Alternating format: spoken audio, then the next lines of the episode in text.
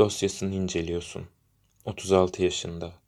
Ailesi kendisini kadavra olarak bağışlamasına başta karşı çıkmış. Ama o bunların hepsini önceden düşünüp hazırlığını tam yapmış.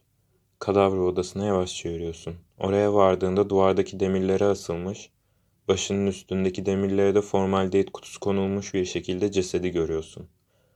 Formaldehit boyun damarlarından tüm vücuduna yavaşça yayılırken iş arkadaşların bir yandan kendi aralarında konuşuyor, bir yandan fikse edilen cansız bedeni inceliyorlar. Şu anda pek de bir şey yok yapacak. Sen de cansız bedeni incelemeye başlıyorsun. Kasların gevşemesi için de enerjiye ihtiyacı var. Bunu biliyorsun. Bu yüzden şu andaki huzurlu yüzü öldüğü anda takındığı ifadeymiş. Bu belli. Huzurlu öldüğü için seviniyorsun ilk başta. Sonra gözlerin cesedin gözlerine kilitleniyor. Gülümsemesinin gerçek olmadığını o zaman anlıyorsun.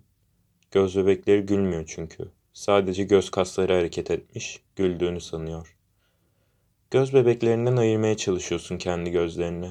Ama artık çok geç. Çoktan dinledin cesedin gözlerinin sana anlattıklarını. Huzurlu ifadesinin sebebinin tüm eski huzursuzluklarından kurtulmak olduğunu söylediler sana. Sonunda gözlerini cesedin gözlerinden ayırdığında bilekleri çarpıyor gözüne. Farklı zamanda atıldıkları belli olan birkaç dikiş. Bazı dikişler acemice atılmış. İzleri derinin kalınından çok kolay bir şekilde ayırt ediliyor. Bazı dikişler ise ustalıkla atılmış.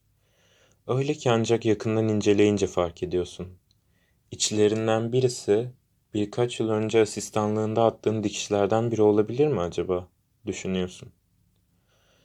Çok geçmeden ölüm sebebinin bileğindeki izler olmadığını anlıyorsun ama. Sadece hepsinin çok önceden kapanmış dikişler olduğundan dolayı da değil. Aynı zamanda gözlerin boynundaki morluğu da görüyor. İstemeden derince bir iç çekiyorsun. Ciğerlerin yanıyor. Hayır, bu sefer ciğerlerini yakan formaldehitin ağır kokusu değil. Çoktan alıştın sen ona. Ve hayır, yeni yıkanmış cesedin çürük kokusu da değil. O koku ciğerlerini yakmaz, mideni bulandırır anca.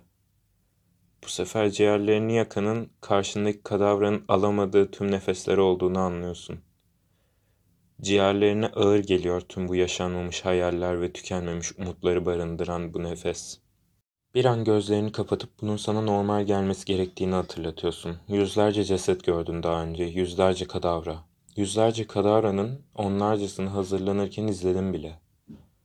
Peki bu sefer neden böyle hissettin? Farkı neydi karşındaki bu cesedin? Onda kendini gördüğün için mi böyleydi? Senin bileğinde daha az dikiş var. Boynunda da iz yok henüz.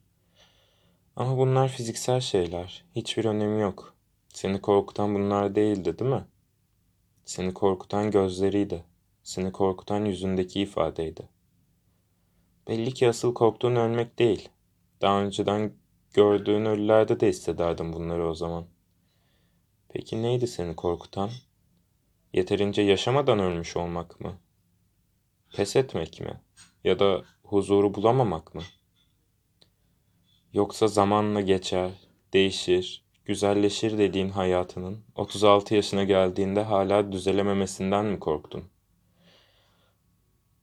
Sen bunları düşünürken formaldehit cesedin tüm bedenine yayıldı bile. Artık duvarda asılı olduğu demirden ayrılıp masaya yatırıyorlar.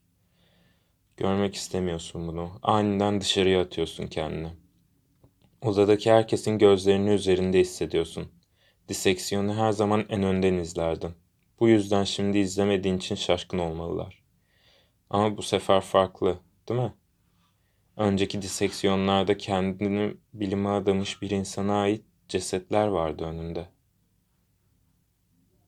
Saygı duyuyordun o kadavralara. Bağışçının yaşarkenki son isteğini yerine getiriyordun aynı zamanda. Ama şimdi gördüğün bu değil, değil mi? Gördüğün gençliğini kaybetmiş birisi. Gördüğün umutlarından koparılmış birisi. Gördüğün hayalleri elinden alınmış birisi. Bu sefer saygın geride kalıyor. Çünkü sempati duymadan edemiyorsun. Çünkü gördüğün kişi aslında sensin.